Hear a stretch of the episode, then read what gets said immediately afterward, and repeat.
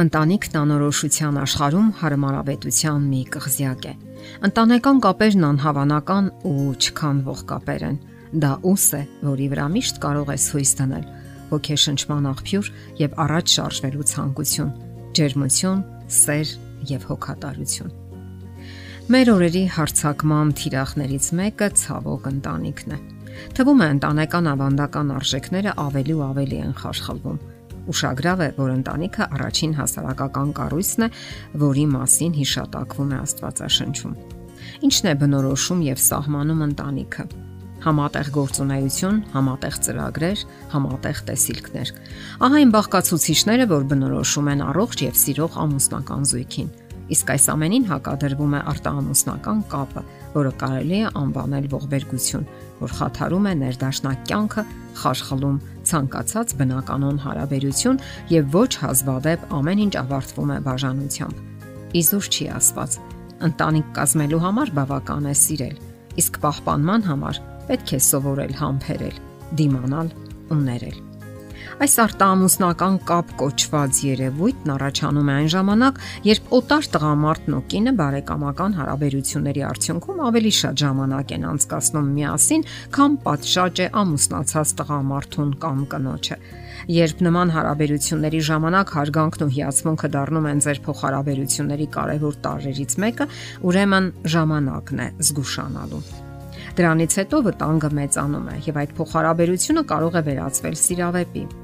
Անհրաժեշտ է հասկանալ, որ բոլոր սիրավեպերը զարգանում են որոշակի օրինաչափությամբ եւ փուլերով։ Առաջին փուլում սիրավեպը հույզերի կամ հրապուրանքի մակարդակում է։ Այս դեպքում կողմերը հրապուրված են միմյանցով, սակայն թույլ չեն տալիս, որ հարաբերությունները զարգանան մինչև մերձություն։ Իսկ երբ սիրավեպը թևակողում է երկրորդ փուլ, զույգը վայելում է սեռական մերձության պատահական պահերը, սակայն նրանք հուզական մերձություն չեն զգում։ Այս դասակարգման մեջ են այն մարդիկ, որոնք հոգնել են ամուսնու հետ իրենց հարաբերություններից եւ արկածներ են որոնում։ Սրանք սուր զգացումներ որոնող մարդիկ են։ Երորդ փուլն արդեն սեռական եւ զգայական կապն է։ Առաջին երկուսը ժամանակի ընթացքում առավել հաճախ անցնում են իսկ այս դեպքում հաստատվում է արտահամուսնական կապ, որն աստիճանաբար խորացնում է անդունդը։ Ընդհանուր առմամբ կարելի է հասկանալ սիրավեպերի մեխանիզմները։ Դա այն է, երբ տղամարդն ու կինը շփվում են եւ այդ հարաբերությունների ժամանակ ներգրավվում են ցածրակարգ վնասները, երբ հնարավորություն է ընձեռնում տեսողական շփումների, հայացքների փոխանակման եւ այլն։ Նպաստում է նաև մտերիմ մերձ իրավիճակը, երբ հնարավորություն կա աշխատելու միասին ընդ որում հաճախ խփվելով միմյանց։ Նպաստող գործոններ են նաև միմյանց կարեկցելը կամ մխիթարելը։ Երբ տղամարդն ու կինը միայնակ են մնում, խղճահարության, կարեկցանքի զգացումը կարող է վերածվել սեռական ազդակի։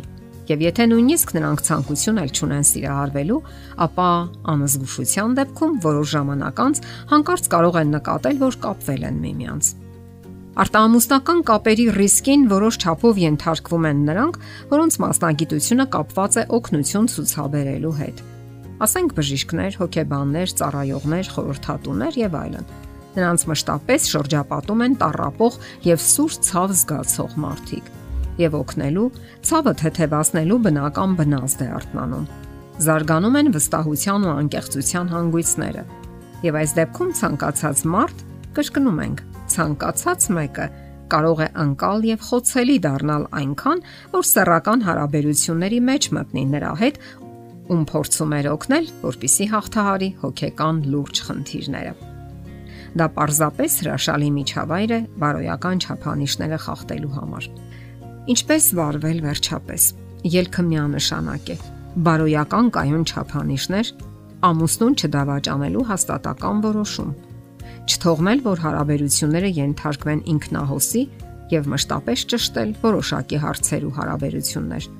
Պարզել գայթակարերը եւ դրանք հեռացնել ճանապարից։ Կայացնել որոշումներ եւ դրանք իրականացնել եւ վերջապես չբացառել ներելու հնարավորությունները։ Իսկ բոլոր դեպքերում ամուսնությունը կարելի է սահմանել որպես հուսալի կապերի լավագույն օրինակը։ Ընտանեկան հարաբերությունների մասնագետ Էլեն Ուայթը գրում է. Չնայած առաջացող դժվարություններին, բարդություններին եւ երբեմն պարուրող վհատությանը, թող ոչ կինը եւ ոչ տղամարդը չմտածեն անգամ, որ իրենց միությունը սխալ է եւ միայն հիասթափություններ է բերում։ Վճռեք միմյանց համար լինելու ամեն ինչ, ինչը միայն կարող եք։ Շարունակեք միմյանց հետ այնպիսի փոխհարաբերություններ, որ ունեիք ձեր առաջին հանդիպումների ժամանակ։ Բոլոր հնարավոր միջոցներով սատարեք միմյանց կենսական դժվարությունների դեմ պայքարում։ Սովորեք ավելի շատ երջանկություն ապարգևել միմյանց։ Թող ձեր սերն ու ձեր ներողամտությունը փոխադարձ լինի։ Այդ ժամանակ ընտանեկան կյանքը սիրո ավարտը լինելու փոխարեն կդառնա նրա սկիզբը, ինչպիսին որ կար նախկինում։ Հաղորդումն ավարտենք Էլբերտ Հաբբարտի խոսքերով։ Անկախ նրանից, թե դուք ինչ եք արել ձեր կամ մարդկության համար, բայց եթե դուք չեք կարող հետ հայացք նետել ձեր ընտանիքի հանդեպ ցուցաբերած սիրո եւ ուշադրության վրա, ապա դուք իրականում ոչինչ չեք արել։ Եթերում ընտանիք հաղորդաշարներ։ Ձեզ հետ է Գեղեցիկ Մարտիրոսյանը։